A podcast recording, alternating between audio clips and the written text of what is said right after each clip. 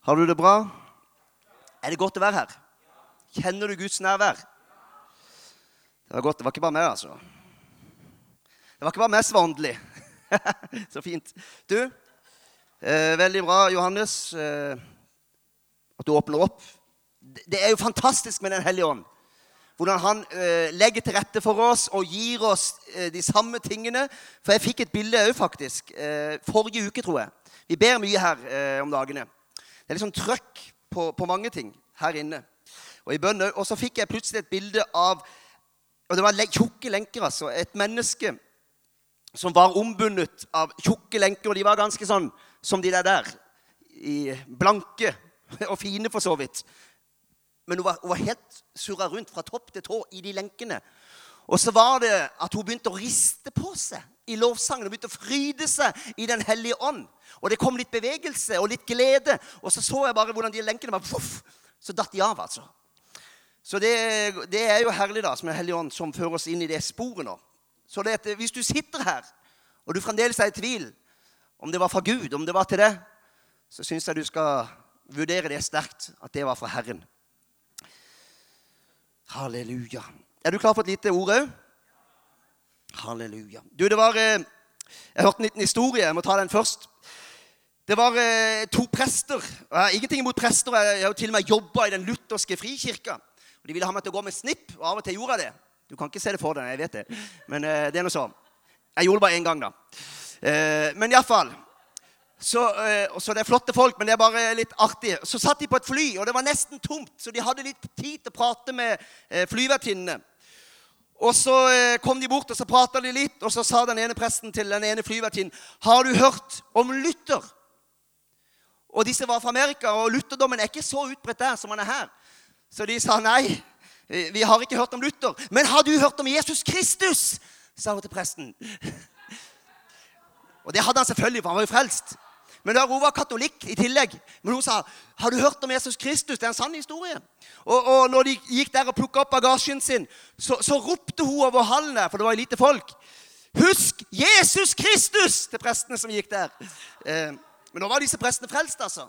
Men hør, jeg har bare lyst til å si det. Det handler ikke om Geir Wilhelmsen. Sorry, Miriam. Litt ekstra for deg, selvfølgelig. Eh, Men det handler ikke om Geir Wilhelmsen. Det handler ikke om Froland misjonskirke. Det handler ikke om Misjonsforbundet. Det handler ikke om oss. Det handler ikke om hvor dyktige vi er, hva vi får til. Det handler om Jesus Kristus. Der passer det å si amen. Og jeg gjør om dagene iallfall, og egentlig alltid Jeg gjør egentlig nesten hva som helst for at han skal få møte oss. For at han skal få møte deg skikkelig, sånn som det bildet. At lenkene dine ristes av. Du kommer ut i frihet.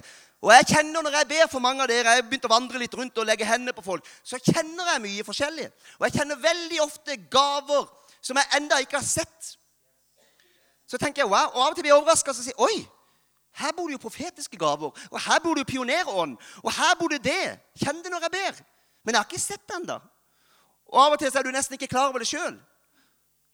Og noen av dere vet det. Dere har fått mye opp gjennom årene, men av forskjellige grunner så har dere satt dere ned, og så har dere ikke kommet ut i gavene deres. Og jeg ønsker i hvert fall at dette møtet skal være en sånn plass. Egentlig alle møter, men iallfall dette møtet hvor vi legger opp til det. Hvor du skal komme ut i dine gaver.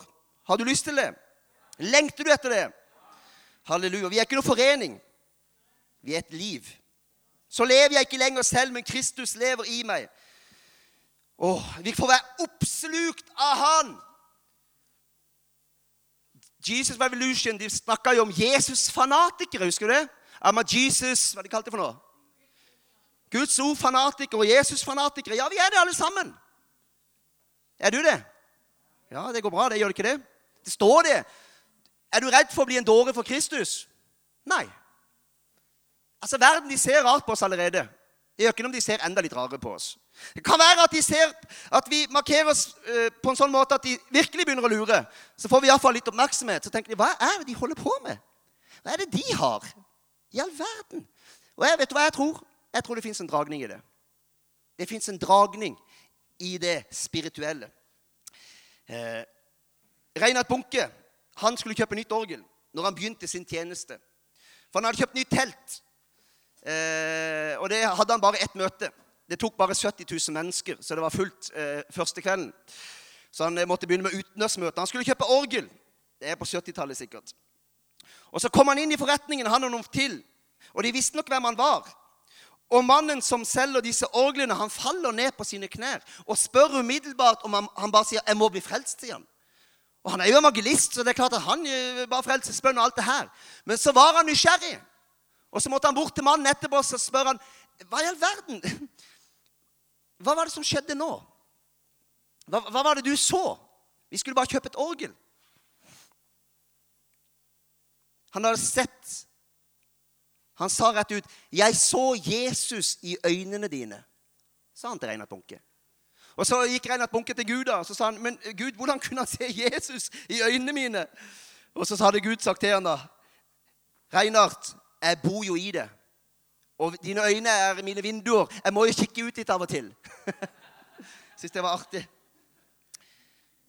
Hvordan unngå lunkenhet snakka Jørn om. Var dere der? Jeg syns det var så godt sagt. Ikke ved å anstrenge seg for å bli kvitt lunkenheten. For det er det vi gjør. Vi anstrenger oss for å bli kvitt lunkenheten. For vi vet jo at vi burde vært litt mer i brann. Og så anstrenger vi oss og kanskje tenker ja, kutt ut det og kutt ut det og sånn. Nei, hør. Ikke ved å anstrenge seg for å bli kvitt lunkenhet, men ved helt enkelt å begynne å brenne. Hva skjer når du begynner å brenne? Da forsvinner jo lunkenheten. Du trenger ikke kjempe mot mørket. Du kan bare stille deg i lyset, for hva skjer med mørket da? Det fordufter. Det passer det òg med amen, men det kommer vel. Ja, ja du har ikke hørt deg i dag, eh, Tor Aslak. Jesaja 41, 15. Se, jeg gjør deg til en treskeslede, skarp og ny, med mange tagger. Høres kanskje ikke så veldig hyggelig ut å være en sånn person som er skarp og med mange tagger. Det er ikke ment sånn som du eh, følte det. Du skal treske fjell til støv og gjøre hauger til agner. Og jeg vet jo det at Hvis jeg gikk og lånte en treskemaskin av en bonde og begynte å treske fjell Hvis jeg sa til den bonden 'Hva skal du med treskemaskinen min?' 'Nei, jeg skal treske noen fjell.' Tror du jeg hadde fått låne den, da? Nei, for du bor på landet, ja. Dere andre skjønner ikke noen ting. En treskemaskin tresker høy. Hvis du prøver å bryte ned fjell med en treskemaskin, så går treskemaskinen i stykker. For det fjellet er mye sterkere enn treskemaskinen. Og Likevel så sier Gud her at vi skal treske fjell til støv og gjøre hauger til agner. Sletter. Det er den overnaturlige dimensjon som gjør at du kan ta en treskemaskin og begynne å treske fjell. Og Det er veldig spennende, tror jeg, når du sitter der på treskemaskinen og er litt sånn u har litt uro i det, og så tenker du 'hvordan går det her?' Det er klart Når du begynner å se at den treskemaskinen graver seg ned i fjell, og det umulige begynner å skje Sånn er det i den åndelige virkeligheten òg, skjønner du. Vi setter oss ofte ikke opp på den treskemaskinen der. For vi har noen tanker i hodet som stopper oss og sier 'Nei, det går jo ikke. Og det går jo ikke. Og det går jo ikke.' Men hør. Sett deg opp på den treskemaskinen. Gå inn i Guds rike. Inn, holdt på å si, innta den åndelige verden. La Gud få tale til deg og komme til deg med sånn fylde at du begynner å kjenne at det reiser seg i deg. Du sier alt, som Sigbjørn pleier å si at jeg liker å si. Alt makter jeg i ham som gjør meg sterk. Ingenting er umulig for, for Gud. Det er så lett å si. Kjempelett å si. Og det er lett å proklamere under lovsangen. Men når livet byr på utfordringer, når Herren taler til oss i hverdagslivet, så er det mye verre. Men hør, jeg har erfaring med at også der virker det. Og jeg har en sånn drøm om at Guds folk kommer inn i denne overnaturlige dimensjon sterkere og sterkere. Sånn at det blir holdt på å si, det blir dagligdags eller ukentlig at vi ser mennesker bli helbreda. Mennesker blir frelst, mennesker blir satt fri, mennesker blir forløst. Kunnskapsord og visdomsord og profetier det løper fritt frem og tilbake mellom oss og ut til verden. Det er min drøm. Og om dagene så ber vi mye, vi har, for det, det, er blitt lagt på som sånn nød. Og jeg tror vi er inne i en spesiell tid. Og, og mine bønner de dreier seg bare om det. De dreier seg bare om åndsutgytelse. Om at Guds folk skal gripe fatt i hvem de er i Kristus. Få tak i den åndelige dimensjonen. Begynne å tørre å sette det ene beinet foran det andre. I praksis. Og tienden, holdt jeg på å si, det er én ting. Jeg jobber bare 40% dette året her. Og det er det eneste jeg jobber. Og vi tok et valg. Jeg jobba i fengselet, og så kutta jeg ut det. Nei, nå går vi i tro. Nå gjør vi det. Det er jo for lite menneskelig sett. Og så gir jeg tiden i tillegg. Så det blir ikke mye igjen.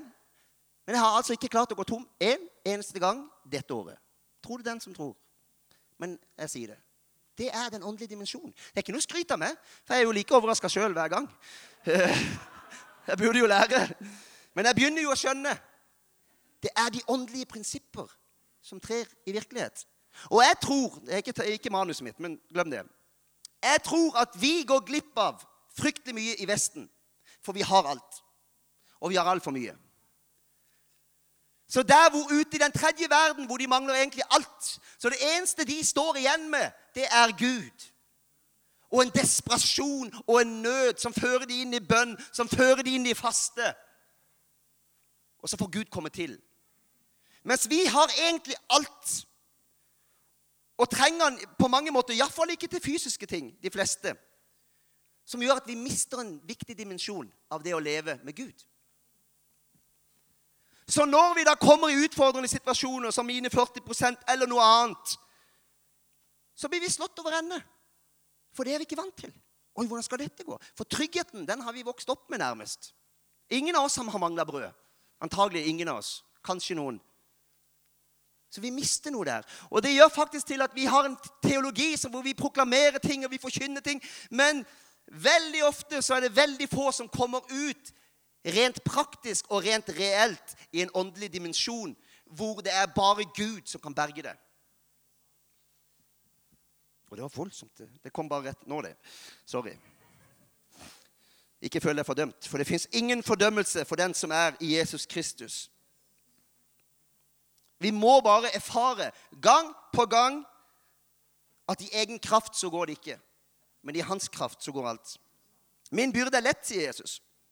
Altså det er en byrde, men den er lett. Hvorfor det? Fordi Jesus bærer den med det. Esekiel 37. Skal vi lese litt, faktisk. Vi tror på Guds ord, gjør vi ikke det? Jeg syns det er en artig historie, og sterk historie. Herrens hånd kom over meg, og i ånden førte han meg ut og satte meg ned i en dal som var full av ben. Han førte meg rundt omkring dem, og se, det lå en stor mengde ben utover dalen, og de var helt tørre. Så sa han til meg, 'Menneske, kan disse ben bli levende igjen?' Jeg svarte, 'Herre Gud, det vet bare du.' Der var det ikke mye tro, gitt. Eh, det vet bare du.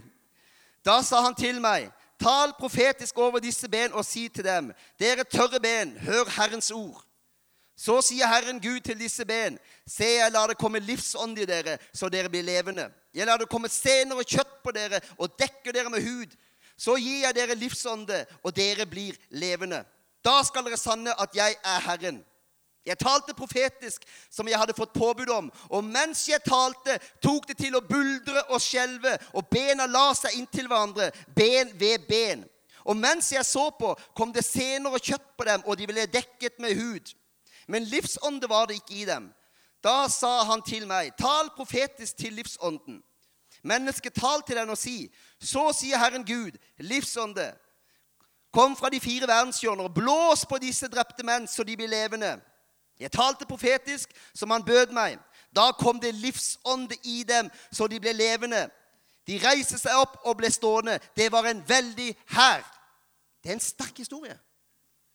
Og Jeg husker jeg var framme til forbønn hos en meget kjent predikant fra Kensington Temple. Jeg husker ikke hva han heter for noe. Og så begynte han å profetere. Så sa han I see bones. Dead bones. Og så jeg husker jeg tenkte Det er mange år siden. Åh, står det så dårlig til med meg? Men eh, det var heldigvis ikke mine ben. Hør. Når jeg leste det her, så kom det så levende til meg så så jeg for meg Esekiel. Hvis han hadde gjort som vi ofte gjør Kan du se for deg der du, du ser utover en svær dal, og det, ligger, det er jo et makabert syn. altså. Det ligger bare skjelett og hodeskaller overalt. Hulter til bulter i hauger. Tenk om Esekiel Miriam, kom opp litt. Ta med deg stolen din. Tenk om Esekiel hadde stått der og kikka ut, og så hadde han begynt å kikke på det her og plukke litt på det og kjenne litt på det. Ja, det var dødt, ja. Sett deg der, du. Kan du være død? Nei, bare sitt der du. Bare vær død. Så sjelden jeg får se deg sånn stille og rolig. Så kan du legge de bak seg. sånn ja, det her er et skjelett, da. Eller det er ingenting foreløpig. Tenk om, om Esekiel gikk rundt og så tenkte ja, ja, ja, ja.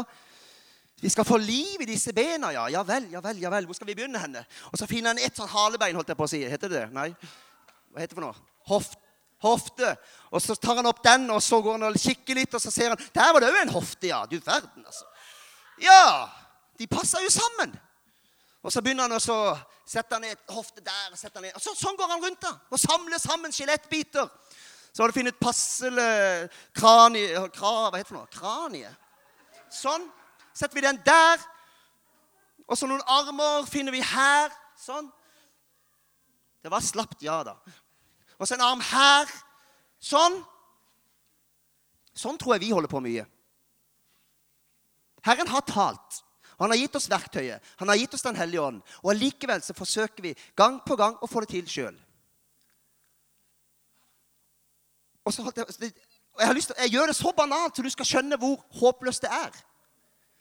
Så ja vel, så sitter skjelettet der, da. Du kan kle det opp òg. Sette på hatt og maske og fint tøy. Og det, du kan ta på en dress til og med. En smoking. Du kan støtte det opp. Skru det til veggen.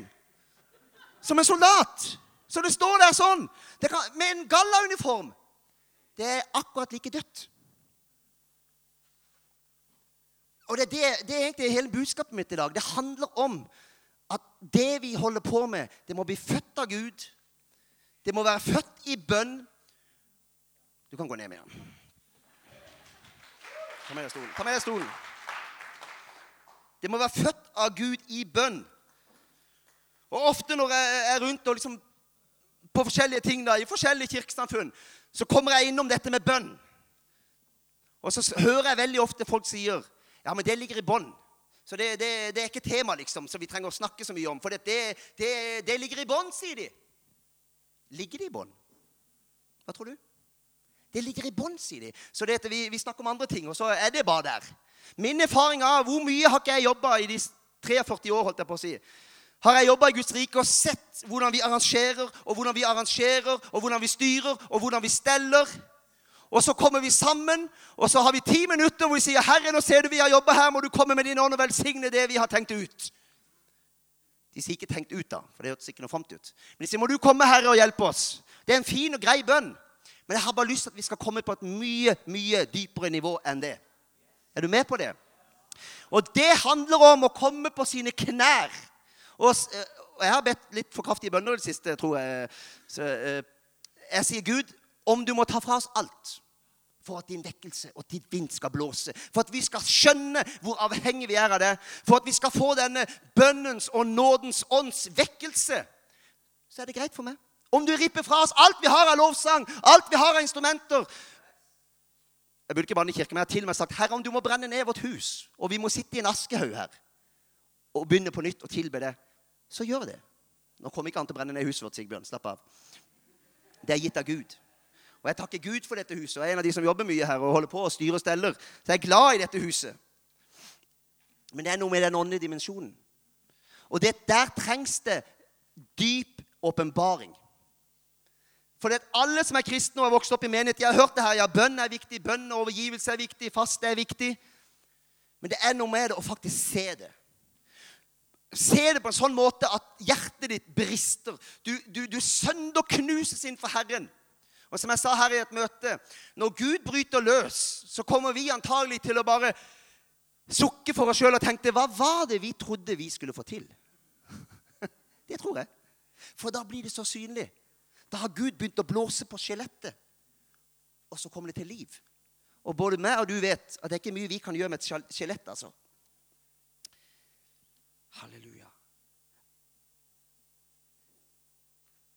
Alt dere binder på jorden, skal være bundet i himmelen. Og alt dere løser på jorden, skal være løst i himmelen. Tror vi på det? Alt det to av dere her på jorden blir enige om å be om, skal de få min far i himmelen. For hvor to eller tre er samlet i mitt navn, der er jeg midt iblant dem. Tror vi på det?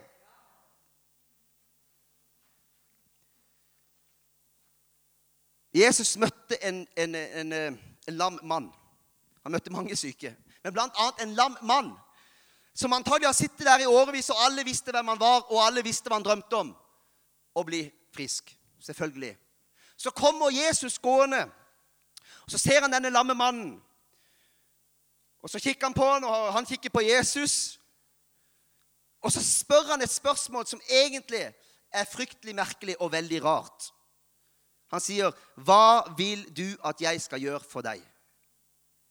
Og det kan godt være at Hvis du hadde stått ved siden av Jesus der, så hadde du tenkt det er greit du er Guds sønn, altså, men nå var du ikke veldig smart. For det skjønner til og med mannen er jo lam. Det er klart han vil bli frisk. Tror du ikke Jesus visste det før han spurte? Hva den mannen drømte om og hadde drømt om i mange år. Han visste det veldig godt. Og han kunne godt bare vært djerv og brukt autoriteten sin og reist han opp, men han spør. Han er en gentleman, Jesus. Han sier, 'Hva vil du at jeg skal gjøre for deg?' Et egentlig merkelig, litt banalt spørsmål til en som er lam. Og jeg har lyst til å si, Han stiller det samme spørsmålet i dag. Hva vil du at jeg skal gjøre for deg? Og jeg har lyst til å si det veldig tydelig og klart. Han gir deg så mye som du vil ha. Og hvis du vil leve med vann til anklene, åndelig talt, så lar han deg få lov til å leve der hele ditt liv. Og han er med deg, og du er frelst, og du kommer til himmelen. Men du går glipp av veldig mye. Kraft, undergjerninger, den åndelige dimensjonen. Hvis du vil leve med vann til knærs, så lar han deg få leve der. Han kommer aldri til å ta tak i kraven din og pælmer deg ut på dypt vann. Han gjør ikke sånn. Han er ikke sånn.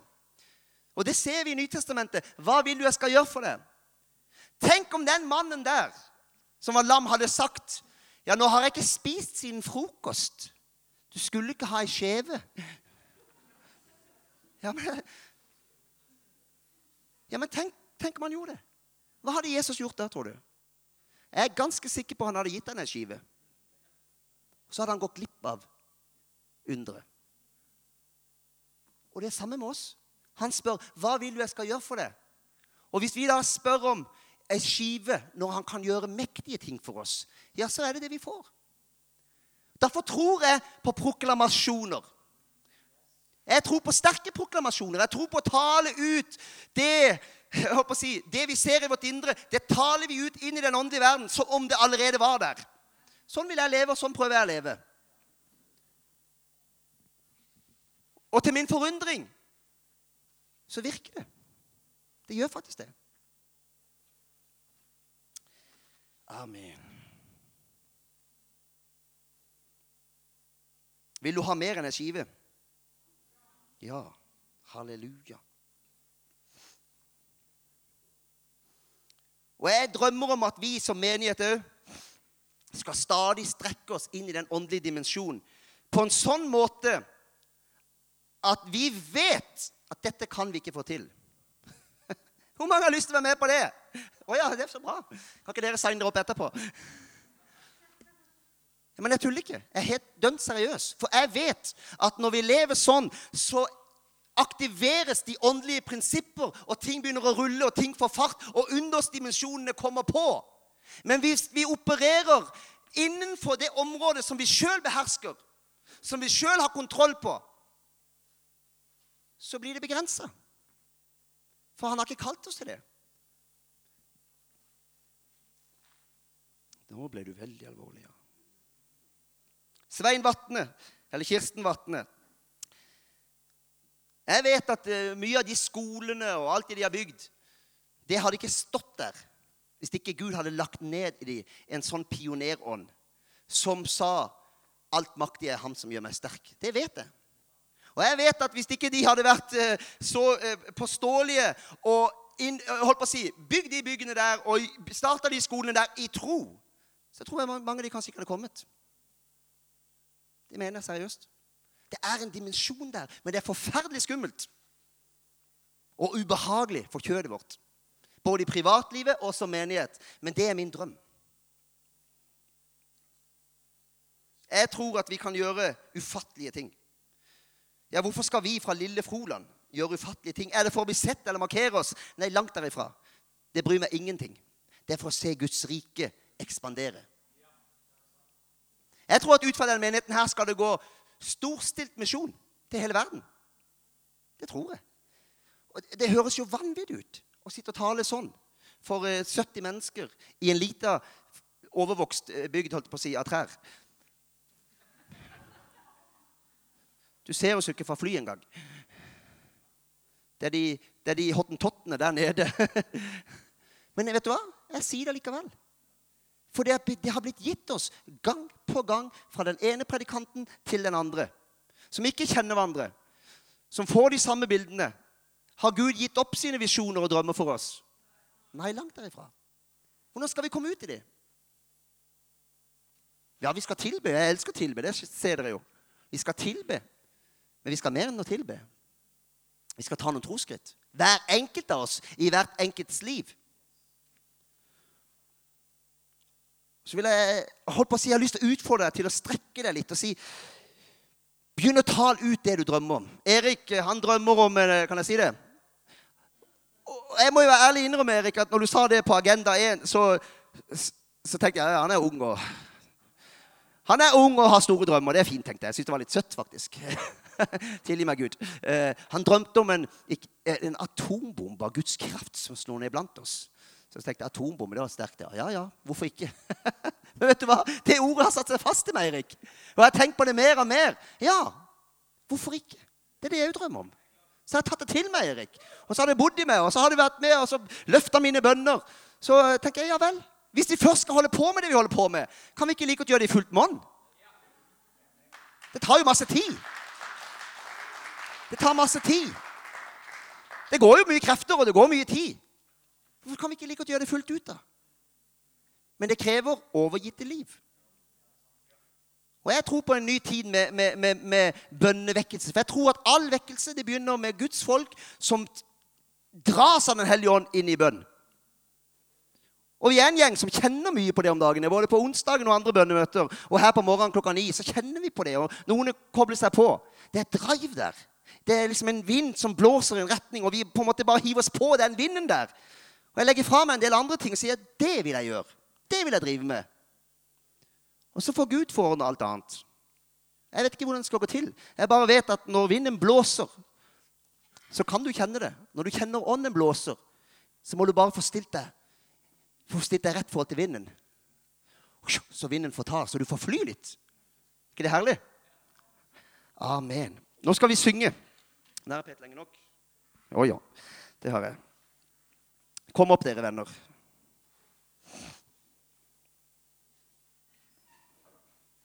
Det er et omvendelsesbudskap, det her.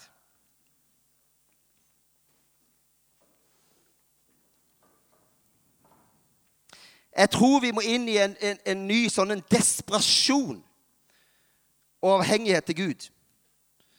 For når du skjønner hvor fattig, når vi skjønner hvor fattig vi er i oss sjøl, hvor kort vi egentlig kan nå så skjer det noe med oss. Da begynner vi å rope. Da begynner vi å, å, å Ja, takk. Da begynner vi eh, Det tar tak i oss dypt her inne. Og veldig mye av det som vi syntes var så veldig viktig, eller vi trodde skulle funke så veldig bra, det er ikke så viktig lenger. Det er rart, det der. Så nå reiser vi oss opp, dere. Og nå skal jeg invitere deg. Du som har fått ord det trenger ikke bare være én som trenger å bli løst fra depresjoner og bundethet og hva det måtte være. Du som kjenner at det traff deg. Og ikke tenk bare at ja, det gjelder noen andre. Nei, det gjelder det. Vil du være med i lokomotivet? Vil du hengi deg til Gud på den måten der? Oppleve tegn og under mirakler på arbeidsplassen din? For det kan du. Ja, men du har bare jobba menighet. Nei, jeg har ikke det. Jeg har jobba der ute. Blant de tøffe gutta i fengselet. Opplevde masse flotte eh, muligheter. når Gud la til rette for gode samtaler. Så kommer vi til å be, og vi, vi kan be ned i hjørnet der, eller? Ja, jeg blir med, og andre blir med. Og Kanskje får du et ord fra Herren, et kunnskapsord. Vi har mange som er sterke på det her. Profetisk ord, eller bare Gud møter deg med sin kraft. Fyller deg opp igjen. Det er kjedelig å være lunken, er det ikke det? Å stå med en, liksom litt sånn med én fot i hver verden det er forferdelig. altså. For du har egentlig lyst til å gjøre alle de tingene på den sida, men så kan du egentlig ikke, for du er tross alt godt oppdratt, og du er jo en kristen. Så du, du, kan liksom ikke gjøre det, men det er det du har mest lyst til. Men vet du hva som skjer når du kommer over med samla bein på, på samme side? Så mister det der affeksjon. Får ikke så mye lyst til det lenger. Du får bare lyst til å trenge inn og være med Gud og søke Gud. Så det skal vi gjøre nå. Du er velkommen til forbund. Amen.